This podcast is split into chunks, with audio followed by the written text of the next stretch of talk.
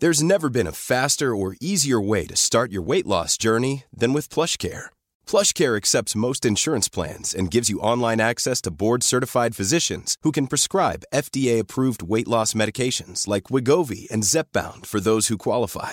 Take charge of your health and speak with a board-certified physician about a weight loss plan that's right for you. Get started today at plushcare.com slash weight loss. That's plushcare.com slash weight loss. plushcare.com slash weight loss. Hey, I'm Ryan Reynolds. Recently, I asked Mint Mobile's legal team if big wireless companies are allowed to raise prices due to inflation. They said yes. And then when I asked if raising prices technically violates those onerous two-year contracts, they said, what the f*** are you talking about, you insane Hollywood ass?" So to recap, we're cutting the price of Mint Unlimited from $30 a month to just $15 a month. Give it a try at mintmobile.com slash switch. $45 upfront for three months plus taxes and fees. Promo rate for new customers for limited time. Unlimited more than 40 gigabytes per month. Slows. Full terms at mintmobile.com. Legenden fra Bergen, hoffmegler for de rikeste og eh, mannen som så en mulighet i å eksportere hele flåten til Island da bankkrisen herjet landet som verst. Vi har fått med oss Trond Sandven, og dette er Mil etter mil, en podkast om bil.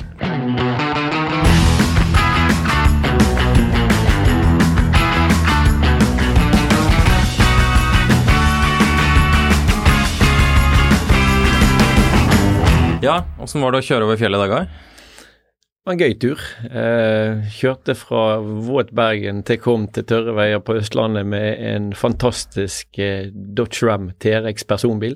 Ja. Fortell litt mer om den bilen, for det er jo ikke et det, Altså her i Tesla-Norge så er jo ikke det den mest vanlige bilen, kanskje? Så vidt jeg vet, så er det den eneste som er registrert som personbil. Og eh, det er jo en muskelbunn som, eh, som, som både gir glede og moro. og Jeg har noe som, som alle spør hvor mye bensin jeg bruker. Det er ikke det som er fokus, det er smil per mil.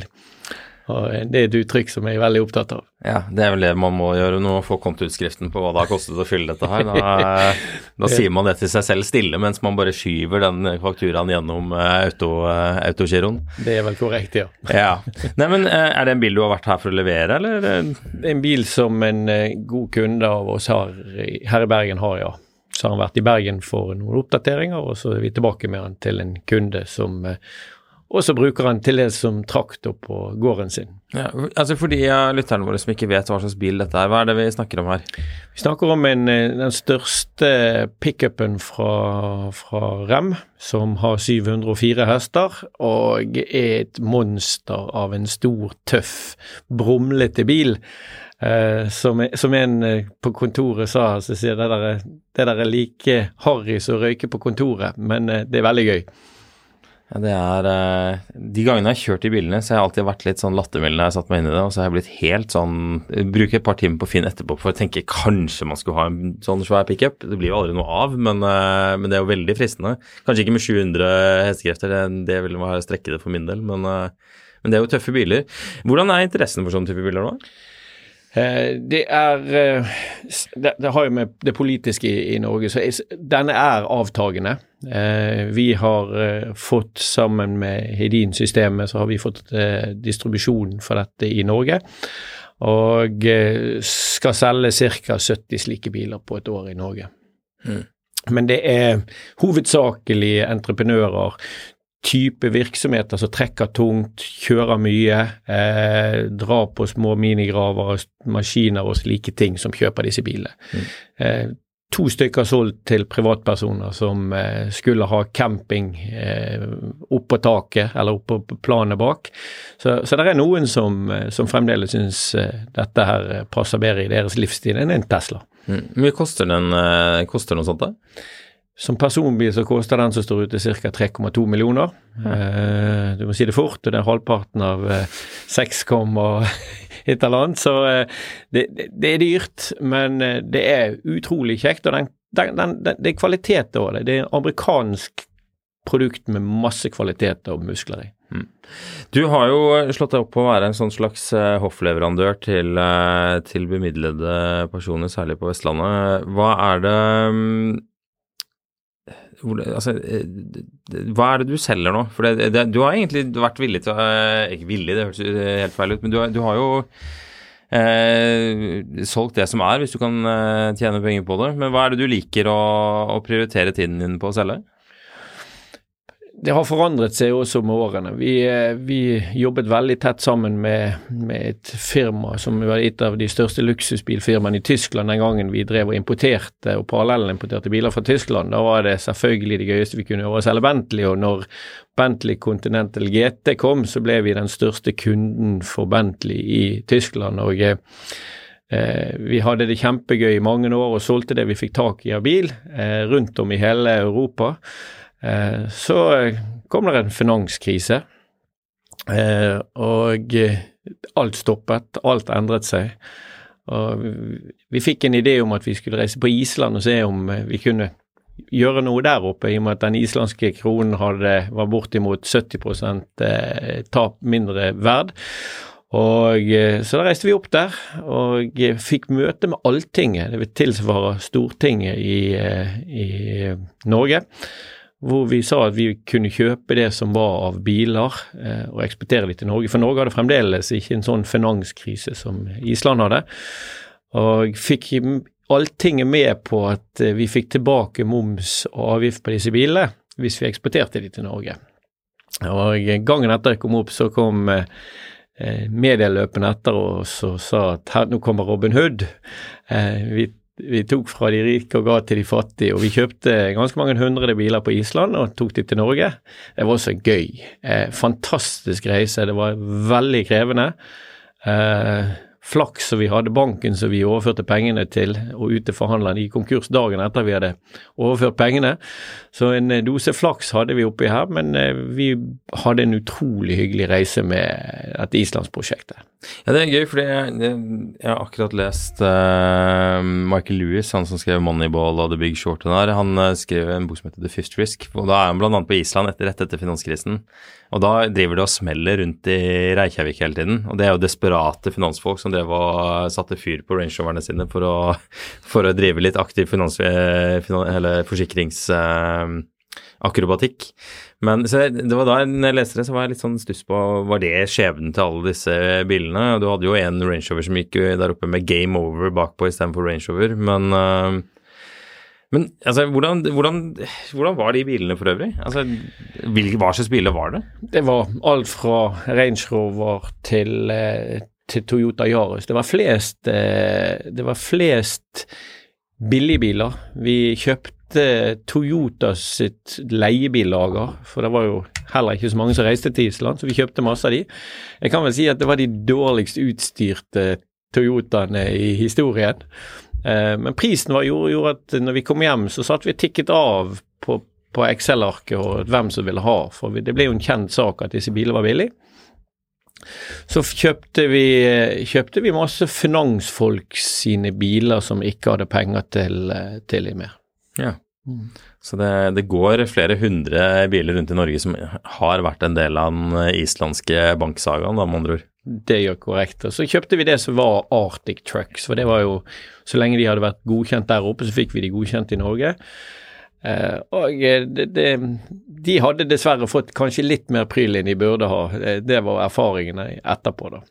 Men altså, det, det, sier jo litt om, eh, om eh, skal man si, forretningssansen når du, når du ser eh, hei, her er det en finanskrise på Island, her er det en mulighet. Altså, hvordan, hvordan, er det du får sånne ideer? Altså, hvordan, hvordan, hvordan tar man den tanken fra det kunne vært gøy å stikke og hente noen luksusbiler på Island, til at man faktisk drar over dit og kommer seg inn der man gjør osv. Det, er jo, det er en helsikes prosess.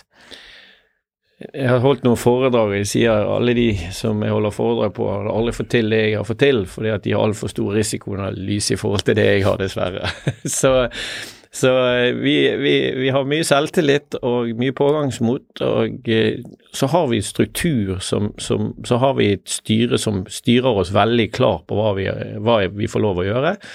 Og, og kreativiteten vår eh, er å snu seg etter markedet vi, vi, kan jo snakke litt om dagens marked også, som eh, er totalt i endring. Fra å ha hatt Klondyke i bilbransjen nå i tre år, til at det er total katastrofe. Og Jeg kan godt putte inn i en finere setning enn det, men det er det som er faktum. og der er ja, Kanskje noen har endret det positive ordreinngang hittil i år, men um, med alle de bilene som har vært solgt de siste årene, så var vel det å forvente at vi skulle få en nedtur.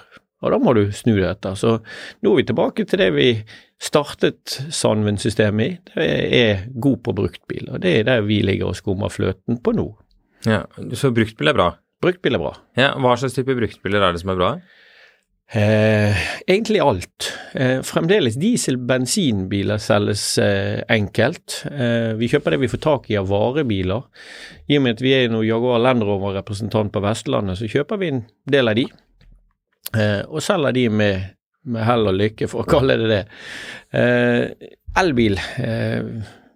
Vi, vi, måtte ta en hva de mars måned tok vi en avgjørelse. Vi måtte nedskrive lageret vårt med dramatiske tall, opp til 150 000 i verdinedsettelse på biler. Så da snakker vi tap på over 100 000 per bil. Ja, Er dette, er dette helt eh, Jeg skal bare skru av vibrasjonen på telefonen min. Er dette helt nye mm, Er dette nye biler eller brukte biler, da? Brukte biler. Ja. Mm. For eh, bruktbil eh, hadde holdt seg unormalt bra.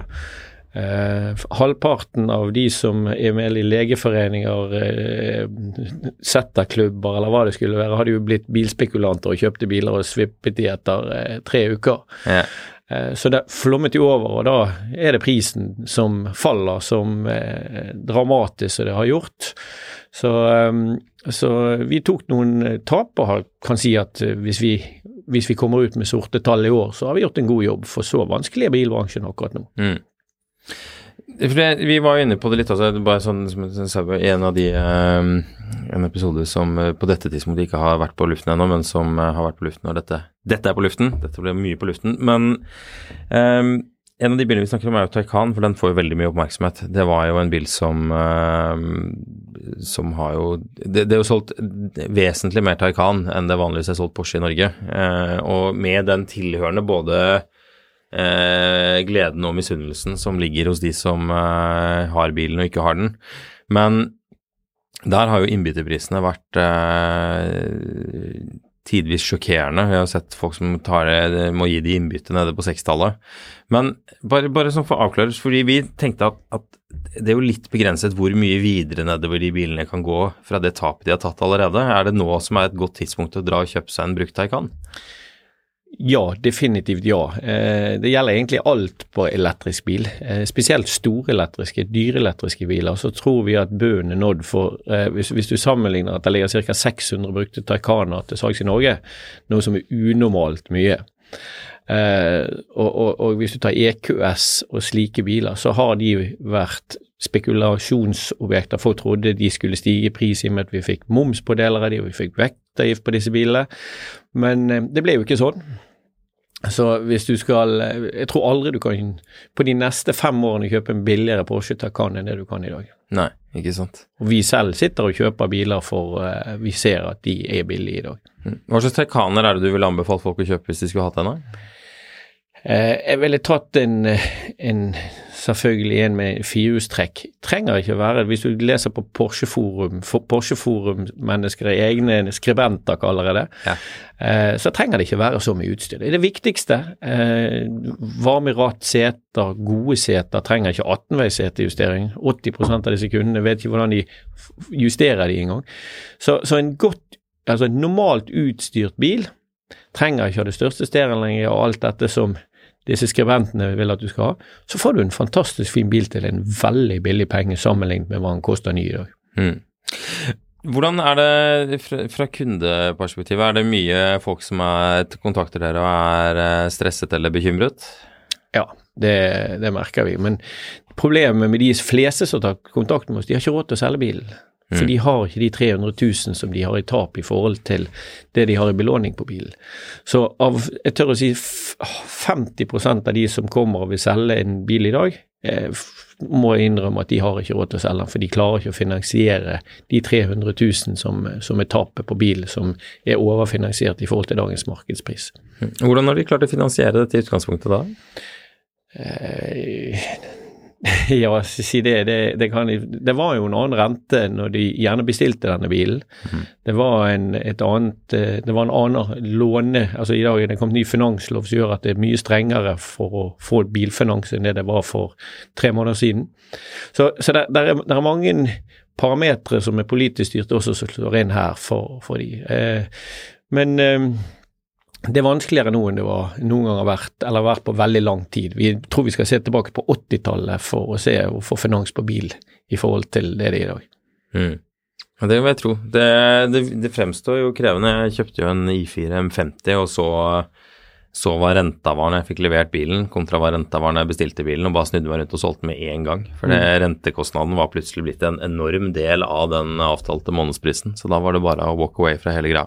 Mm. Før før det ble det, det, skal en del til for å spare inn det på lade, kontra bare å kjøre en, eh, en eldre dieselbil for tiden. Det er korrekt. og Vi har alltid vært opptatt av å selge finans til kunder, for det er en vesentlig del av forretningskonseptet når du driver en, en bilbutikk, bilimport.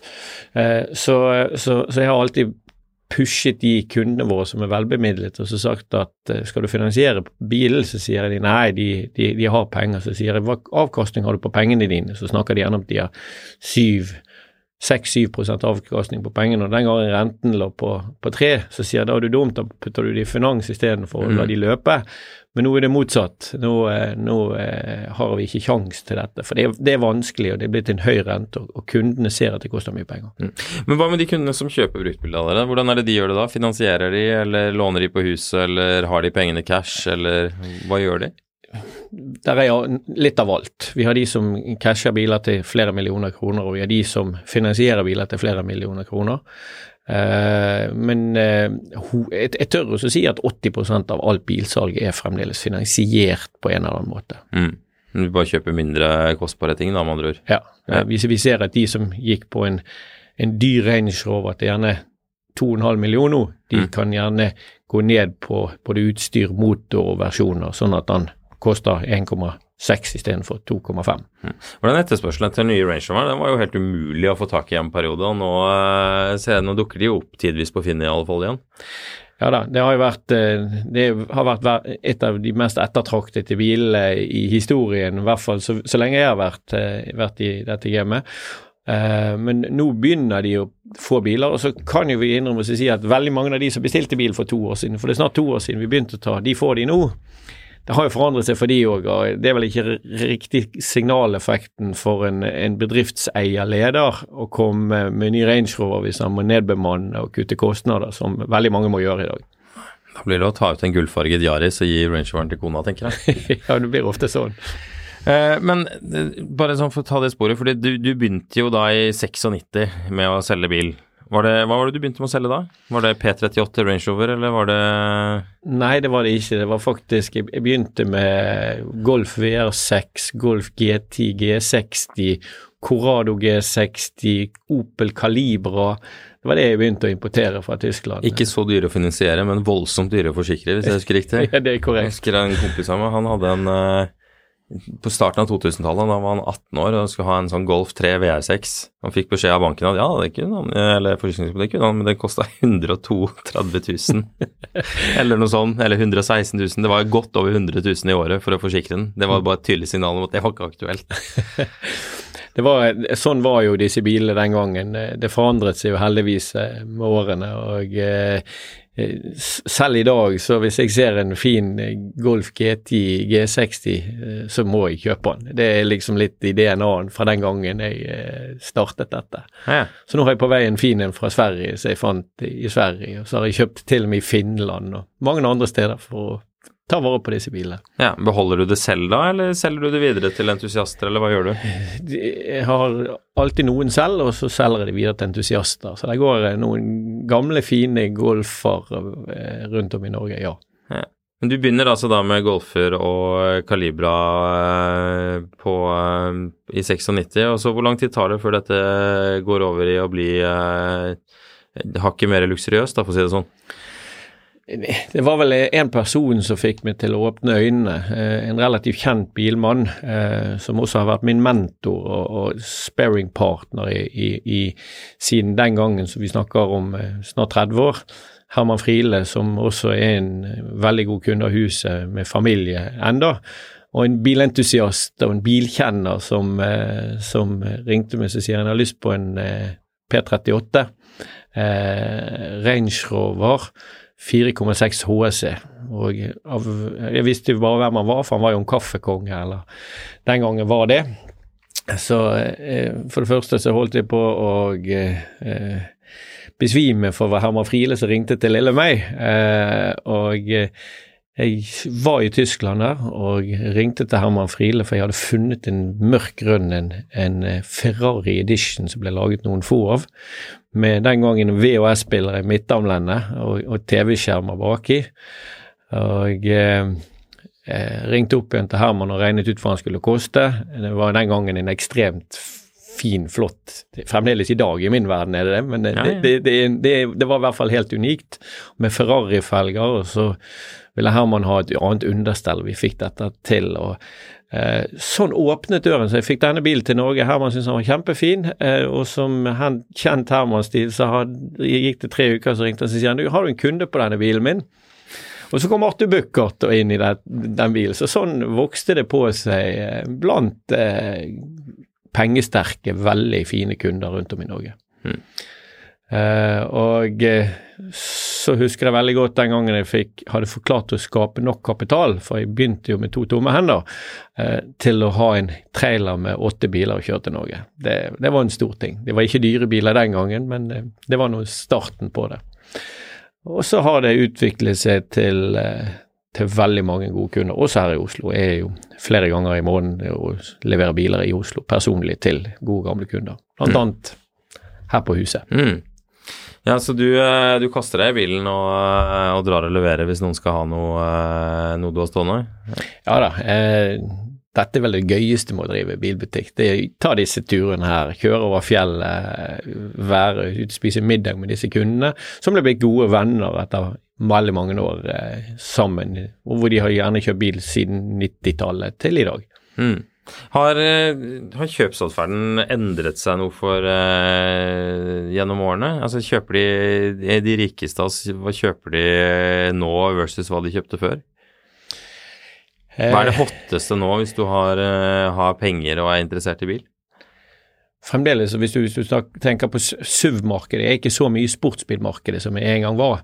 Jeg fremdeles jeg sier der finnes i, i, min verden bare én ordentlig sportsbil, det er Porsche 911. Der er historie, det er veldig mye bra med Porsche 911. Til i dag hvor jeg sier at det er ikke så spesielt lenger, for det er jo blitt nesten en folkevogn på veien, det òg. men, men de, kjøpemønsteret har endret seg til at de har fremdeles kjøper den bilen de vil ha. Eh, når vi, ny Range Roveren kom, så hadde vi vel bestilling på 18 V8-ere. Eh, og det, i Norge totalt så tror jeg det sto for 50% av bestillingen. Ta det med et lite forbehold, men jeg vet det var en vesentlig del av bestillingen på den nye Range Roveren. Eh, og så kjøper man gjerne da en, en Jaguar I-Pace eller en BMW I3, som, som man også sier, jeg har også elbil. Mm. Så bruker de denne bilen opp og ned på hytter, og så når de skal på litt lengre turer, så kjører de gjerne rundt her i Oslo eller Bergen med en elektrisk bil. Mm. For det er ikke så veldig ofte jeg ser en Range Rover kjøre rundt i verken Oslo eller Bergen lenger, sånn som før. Eh, men hvis jeg kjører opp og ned til Hemsedal eller Trysil eller Geilo eller hvor det skal være, så ser vi de relativt eh, ofte på veien. Mm. Er den bra, den nye Range Rover? Fantastisk. Du, du har jo også hatt en del uh, kunder med litt uh, mer krevende ønsker enn bare at du skal kjøre bilen over fjellet og bli med ut og spise litt. Ja da, alt fra David Beckham til, til celebriteter rundt om i, i, i, verden har vi levert bil til. Og, og har, Beckham? Fikk, ja. Jøss, hva er det han skulle ha for noe? en Ferrari. Ja. Mm. Var det en bil du hadde i Norge, eller hadde du bare tilgang på bilen? og han hadde, hadde tilgang på bilen i, i Tsjekkoslovakia, så vi klarte å få den til han. Jeg hadde selv ikke noe direkte kontakt med han, men det var via hans ja, ja. manager. Det gikk den gangen. Ja. Uh, til uh, rike nordmenn ute uh, som åpnet dører for veldig mye annet. Kan huske når Rolls-Royce Phantom kom, så fikk vi en henvendelse fra en, en en kar som bor i London. Dette var en jeg tror, det, jeg tror det var en torsdag. Nei, det var, en, det var en mandag. Så sier han eh, kan du skaffe en, en Rolls-Royce Phantom. Så sier jeg jeg skal gjøre mitt beste, men det er jo Den er nettopp kommet. Så ringte jeg til min, eh, min gode venninne eh, fra Åst hos Themsen i Bremen. Eh, så sier jeg jeg har en kunde som jeg, jeg har kjøpt masse biler av de, det var da vi hadde holdt på med også andre typer sportsbiler fra de. Så sier jeg jeg har en sånn, så sier jeg vi har bare en demobil. Så sier jeg kan du få kjøpe den? Det kan du. Så jeg ringte til han og sier jeg har en, men jeg får ingen rabatt, ingenting, han er dyr. Det var ikke det jeg spurte om, sa han. Kan du levere den i Oslo på lørdag klokken tolv, så skal jeg ha den. Det ble vanskelig, sier jeg. Det var ikke svaret jeg ville høre, sier han. Da må jeg ha fly ned med folk, for vi skal kjøre den fra da Bremen vi skal først for det første få tollskilt på den i Norge. Vi skal ha, eh, vi skal ha bil til, til, til, den. Vi må over Dover Calais, vi må bruke hele den veien. Så sier han men det fikser du, så sier han. Så sendte han sin, sitt fly. Eh, slik at vi fikk flydd de to som skulle kjøre bilen. Så kjørte de skift eh, til, til slik at vi fikk dette til. Og når vi sto utenfor Harrods på, på denne lørdagen, så eh, var det en eh, Eh, han sjåføren så sier nå står de utenfor, hva skal de, jeg skal kjøre opp på fortet og parkere. Ja, er, og for, for, vi som har vært noen ganger i London, så er det relativt fullt av folk utenfor Harrods eh, der eh, klokken tolv en lørdag. Det gjorde de, og da kom vi inn, og da var veddemålet på disse to som, som hadde veddet. Det var et veddemål på denne bilen, og da var det at disse engelske klypene var dette den første bilen som hadde så stor hjul at de ikke passet. Og den som hvis han ene som sa at han passa, han andre sa ikke. Den som hadde rett, måtte betale bilen. Så eh, husker jeg gikk ut derfra, da var det veldig mye latter, for da sto politiet og fikk ikke på denne. Så da var det en av disse som vant denne bilen i et veddemål. Så, så der, der, har vært mange sånne ville historier også blant rike mennesker. Herregud. Ja ja, det var bra de endte opp med bilen, da. Men, øh, men hjelpes. Eh, men dette var, dette var, norske kunder? Dette var norske kunder. Ja. Mm. ja det er spesielle krav. Do you remember what it's like being in your 20s? I sometimes look back at that period of my life and laugh just as much as I cringe. If you do the same, then you've got to watch Queenie, the new original series on Hulu. Who is Queenie? Queenie is a 20 something year old living in London. She's facing all the firsts first major heartbreak, first shitty apartment and soul sucking job, first therapy session to work through those mommy issues. Can she turn her quarter life crisis into a revolution? Maybe. Will she make some questionable decisions along the way? Definitely. The new series Queenie is now streaming on Hulu. Many of us have those stubborn pounds that seem impossible to lose, no matter how good we eat or how hard we work out. My solution is PlushCare. PlushCare is a leading telehealth provider with doctors who are there for you day and night to partner with you in your weight loss journey. They can prescribe FDA-approved weight loss medications like Wagovi and Zepbound for those who qualify. Plus, they accept most insurance plans. To get started, visit plushcare.com slash weight loss. That's plushcare.com slash weight loss.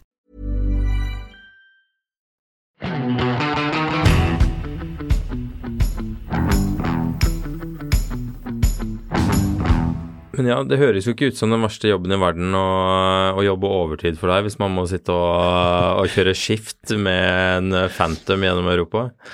Nei, det, det, det, det for å si det sånn, bil er, har vært utrolig gøy. Jeg har vært, holdt på med dette i mange år nå. Jeg, jeg smiler hver dag, eh, og, var mye gøy.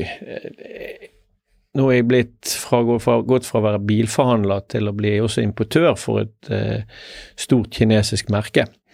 Som vi har jobbet med i, nå i, i, lengre tid og fått en distribusjon rundt om i Norge. Det er kjempegøy. men det gøye med bil, det er blitt mye mer normalisert nå. Det er mye mer Jeg husker når vi tok hjem en Porsche 911 eh, på, på, på 90-tallet, så var det ganske spesielt. Vi fikk, hvis vi fikk en 993 Turbo osv., så, videre, så var det spesielt. I dag er det blitt vanlig, Norge er blitt rikere, så, så eh, den gleden er der ikke på samme måte lenger. For i dag vi, får jo vi, vi, vi selger fremdeles biler, dyre biler, men det er gjerne ofte dyre elbiler personlig så har ikke jeg den samme eh, passion for den som jeg har for det gamle. Det har jeg kanskje litt med min alder å gjøre, men eh, det, det, har forandret seg. Eh, men fremdeles utrolig gøy.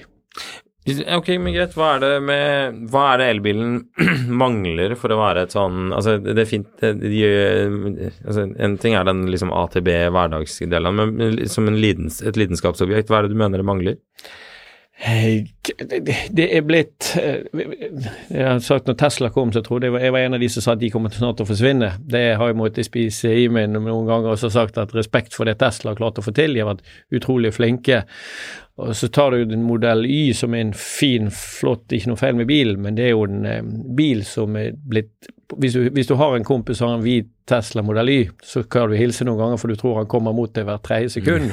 så, så, så, litt av den gleden med det, og spesielle, kunne velge felger, kunne velge spesiallakker, eh, det, det, det, er ikke til stede på elbil på samme måte som du har en, en, en, en dyr Mercedes, BMW eller hva det skulle være. Eh, han trenger faktisk ikke være så veldig dyr heller, for hvis du tar en, en, en, Golf R, som er en fantastisk flott, tøff bil, så kan du utstyre den og fantasere sånn som du vil ha den, og lage den personalisert. Mm. Uh, og det er ikke noe som gjøres på elbil. Elbil er mer et fremkomstmiddel enn en, en, en, hobby, en glede, på samme måte som, uh, uh, som en bensin-dieselbil. Jeg, jeg, jeg, ser ikke samme gleden når du ser noen Tesla-eiere har foliert de og gjort visse ting, mm.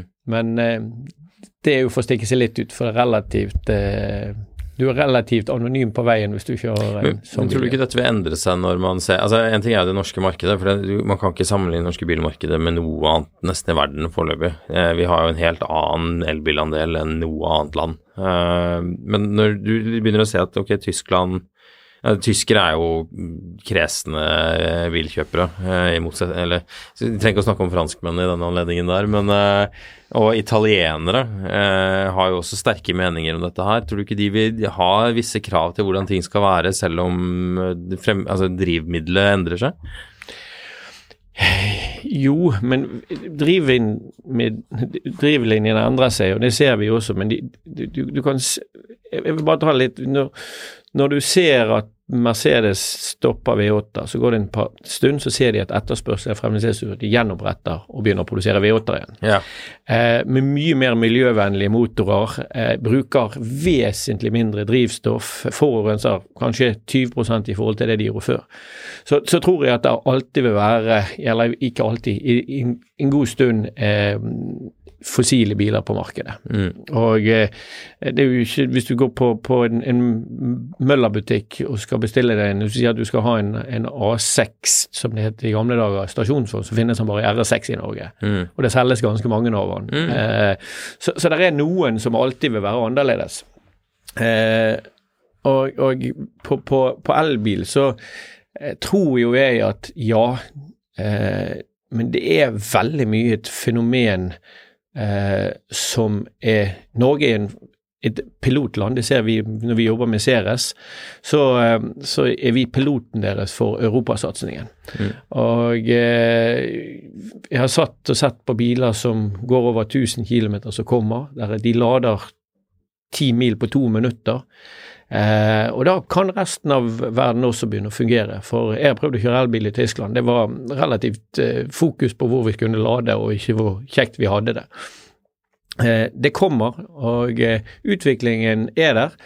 Eh, men jeg har veldig vanskelig for å si at italienere, tyskere skal eh, ha samme passion for elbil som, som de har for sin eh, muskelbil, veldig mange av de. Ja, Observasjonene jeg hadde når jeg var i, eh, kjørte gjennom Tyskland og Frankrike i sommer, og da har det vært at Taycan virker å være litt mer omfavnet enn mye av det andre, men ellers virker det å være et stykke igjen, altså. Det er det. Det er dessverre det. Men eh, det, vi har jo ikke noe valg. Vi må forandre oss. Eh, mm. Dette er utviklingen. Og det var det samme som vi også sa når vi nå gikk inn på, på Ceres, hvor vi har rettigheter i Norge, Sverige og Island. Eh, og har bygget forhandlerstrukturen en i Norge på 28 kjempesterke, store forhandlergrupperinger. Da må du være med på utviklingen, så kan du starte avviklingen. Og eh, der er vi også. Mm. Hva er Ceres for noe? Ceres er en kinesisk bilprodusent som har eksistert siden 1983. De har en produksjonskapasitet nå på ca. 1,2 millioner biler. Samarbeider tett med Huawei Eh, et statlig, delvis statlig eid selskap, og er en av de ca. 15 bilprodusentene i Kina som har lisens til å produsere de. For i Kina er det veldig mange merker som må produsere på andre sine fabrikker. Eh, så vi eh, har leid inn en klok mann, en bilbransjemann som heter Arne Berg, eh, som har vært både sjef for Bertel Osten og vært i Store Møller og jobbet med Subaru, og en mann på par og 70 år, men meget klok og erfaren mann, som vi har brukt som konsulent nå i ett år for å sikre det vi har jobbet med. Men eh, Ceres, hva er det for noe? Er det varebiler, personbiler, store Personbiler. biler? Vi har Ceres 3 som er en type eh, stor Golf, SUV-Golf, eller liten eh, Tiguan. Eh, vi har en Ceres 5 som har 585 hester med alle tenkelige utstyrsfunksjoner. En high end-bil til, til, en pris på, på under 600 000 kroner. Eh, så kommer vi med Ceres 3, Ceres, Ceres 1, Ceres 7, Ceres 9 så vi skal i løpet av eh, neste år ha eh, åtte forskjellige bilmodeller inn i det norske markedet. Mm. Og biler som går opp til 1000 km. Ja, spennende. Hva er prisen på dette? her? Eh, fra 300 000 kroner eh, til eh, 700 000 kroner. Ja, men kineserne er ganske aggressive på pris, da, med andre ord. Jeg, må, jeg må si når jeg jobbet i denne bransjen, jeg må fortelle hvor, hvor dynamisk kineserne er i forhold til Hvis jeg har prøvd, jeg har prøvd å få tak i Jaguar Land Rover-ledelsen et par ganger, hvor vi hadde muligheter til å få Kygo til å være ambassadør for oss, for han er en god venn av huset og sånne ting, men aldri fått en tilbakemelding.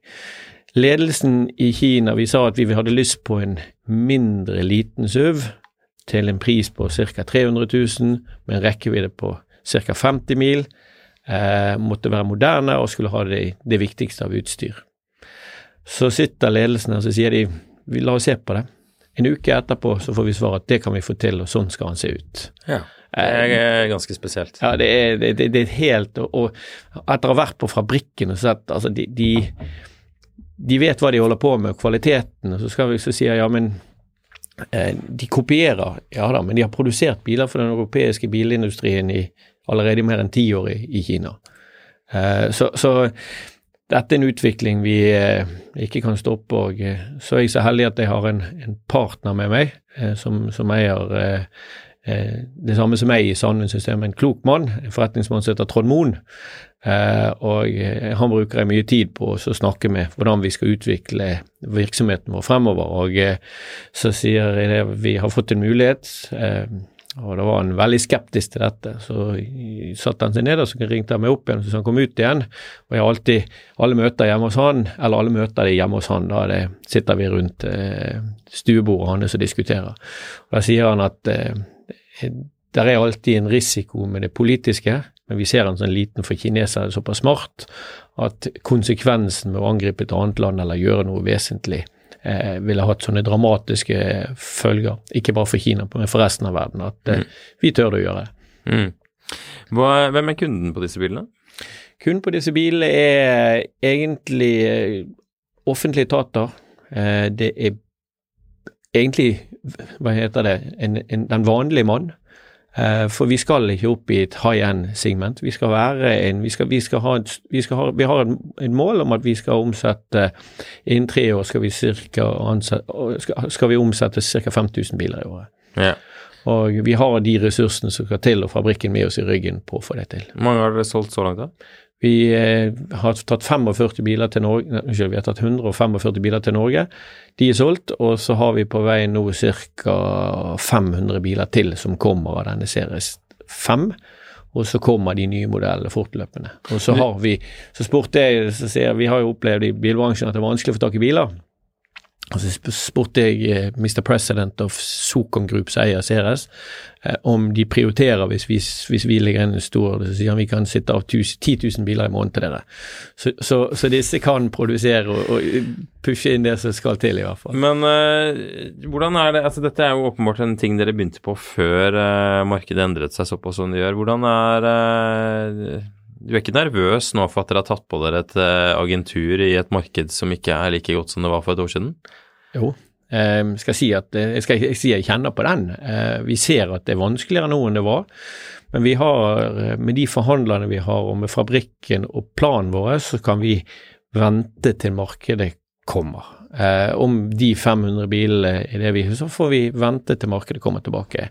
Glad, glad du ikke har bestilt et par tusen biler på spekk? Ja, jeg, jeg, tror det er noen som eh, i bilbransjen, bilimportører, som har meget dårlige netter for tiden. Ja, det er vel 100 150 000 tilbud. Det er bare å se etter de, så ser du hvem som, eh, som ikke sover så godt. Mm. Men eh, litt tilbake til det med fra elbil tilbake til fossilbil. Nå blir jo Nå er det jo 2024 om et halvt år, og så er det 2025 om halvannet år, og da, jo, da er det jo ambisjonen at ikke det skal selges noen annet enn elektriske biler i Norge. Det er ambisjonen. Ja. Eh, Men blir det da bruktimport eller nyimport, parallellimport? Fordi folk skal jo fortsatt antageligvis ha en, eh, en Porsche 911 eller en Ram eller en eh, M5 eller gud vet hva av store motoriserte biler. Ja, og, og det, dette er jo politisk styrt. Jeg, jeg kan dessverre ikke, for det, det, en, vi jo en, sitter jo med en regjering i dag som, som, er veldig klar på dette, hva de tenker. Men så får vi se hva som kommer litt lenger fremme. Jeg tror ikke det kommer til å forsvinne. Jeg tror det kommer til å bli avgiftsbelagt mer. Eh, slik at det blir enda mer eksklusivt å kjøre en, eh, en fossilbil. Eh, men at det forsvinner helt, tror jeg ikke. Nei, det blir et marked videre for, for ja, det her. Og I så fall så kan du si at en bil som har vært endagsregistrert i et eller annet land, er en bruktbil, og jeg tror ikke de kan stoppe oss og parallellimportere eller importere brukte biler. Nei, så vidt jeg har skjønt, så har vel ikke det vært ambisjonen heller. Dette, dette går med på at man har et mål, ikke, en, uh, ikke et forbud, så vidt jeg har skjønt. Men det, det er jo foreløpig godt nytt for de som uh, ikke ønsker å begynne å lade helt ennå, eller ser andre grunner til å holde på med, med andre typer hjul. Hva tenker du om uh, om syntetisk drivstoff har det noen fremtid? Ja, eh, absolutt. Hvis det utvikles nok, så tror jeg altså, Vi hadde en, en ulykke med en hydrogenbil som, eh, som En tank som eksploderte her. Eh, det må jo finnes andre muligheter til å finne drivstoff eller fremkommelighet på biler enn bare batteri også. Så jeg tror det kommer flere, og det er så mange kloke mennesker rundt i denne verden som sitter og holder på med dette, så det er bare spørsmål om tid før vi også tror vi ser andre drivlinjer enn det vi har i dag. Jeg så eh, Harry Metcalf, han eh, gamle Evo Magazine-gründeren, han driver og fortløpende og tester sånn eh, syntetisk bensin på gården sin på bilene for å se hvordan det funker. Foreløpig så er vel største aber at det, det, er relativt dyrt. Det er vel en 35 kroner literen eller noe sånt, så det, men likevel, det er jo interessant. Det er en interessant utvikling. Men Altså, for deg, En av de tingene jeg tenkte jeg skulle stille deg til veggs på her, når vi hadde en bil, bilfyr i studio, men det har jo vist seg litt at, at du, er jo, du, er jo, bilinteressert også. Ofte så er det sånn jeg selger bil, men jeg er egentlig interessert i møbler eller ski eller jogging eller kajakker eller gudene veit hva. Men du er interessert i bil? Jeg er interessert i bil. Bil er gøy. Hva er det som eh, Var det golf som var det som, som for alvor gjorde det gira på bil, eller hva var det? Jeg kjøpte en når jeg var 15 år, kjøpte jeg en 1303 S, eh, en Volkswagen Boble, eh, som var hvit. Eh, og jeg holdt på med den til jeg var 18 år. Når jeg var 18 år så den kostet 116 000 kroner, som var den gangen veldig mye penger. Ja, det vet jeg Hvor han så ut som en liten Porsche, og jeg hadde satt, satt stor motor, en 2,4 liters motor i den. Jeg fikk han til å til å, å gå ordentlig godt. Den hadde jeg i mange år, og så ble det noen eh, noen japanske turbobiler og osv. Jeg syns fremdeles bil er gøy.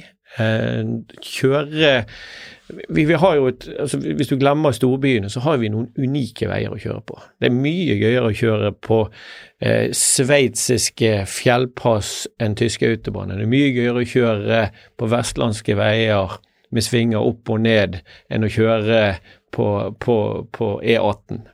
Så, så, vi har jo en, en, en, en, historie på bil. Det er gøy. Vi har mange steder du aldri hadde fått sett hvis ikke, eller mest sannsynlig ikke har fått sett hvis ikke du satt deg i bil og kjørte. Så jeg tar, eh, tar med meg min kone av og til, og så reiser vi rundt, og så kjører vi på rundt om i Norges land. Ha, vi har jo et unikt land å, å, å feriere i og kjøre bil i. Mm. Har du noen biler altså, har du noen biler selv som du tenker at denne skal jeg ikke selge, eller dette, dette er en bil jeg har lyst til å kjøpe meg, eller eh, er det sånn at, at du, du, du, liksom Det går inn og ut av det du selger? Jeg har jo noen, altså jeg har hatt noen golfer i mange i, i, i noen tiår.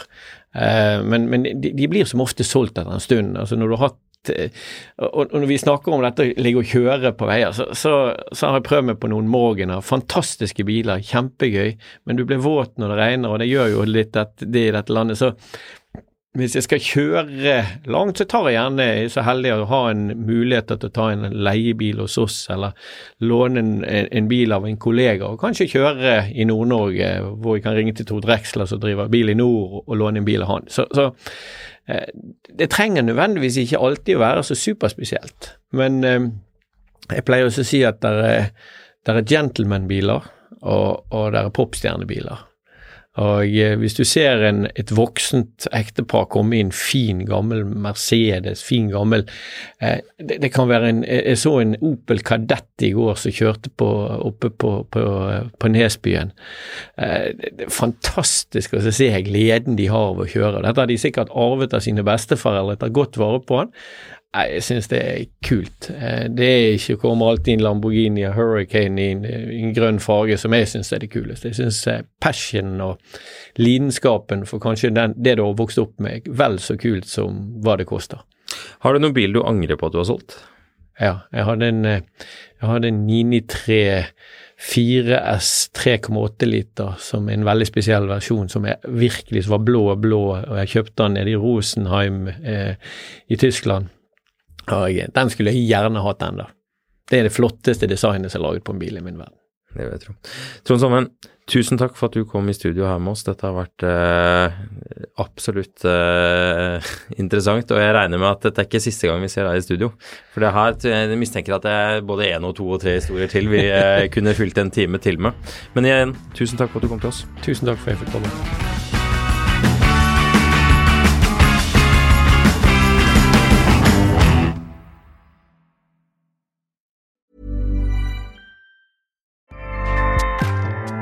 ACAST powers the world's best podcasts. Here's a show that we recommend. This is Roundabout Season 2, and we're back to share more stories from the road and the memories made along the way. We're talking rest stops, if we're stopping to get gas. You will be timed. you will be for sure. Misguided plans. I grew up in the city, so I have like you know, a healthy fear of real extreme darkness. this was like wilderness. A lot of laughs. Y'all weird, but you, yeah, you, you were different. Like you were real different, bro. I can't really put my finger on it. And so much more. Just goes to show that unexpected yeah. things sometimes are the best when it comes to a road trip. Roundabout Season 2, presented by Nissan, is live now with new episodes rolling out every Thursday. Listen and subscribe wherever you get your podcasts.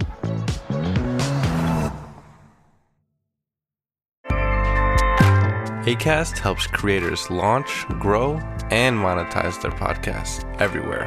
ACAST.com. Mil etter mil, en podkast om bil, er en podkast fra Finansavisen. Programledere er Håkon Sæbø og David Kordal Andersen. Produsent er Lars Brenden Skram. Og ansvarlig redaktør er Trygve Hegnar.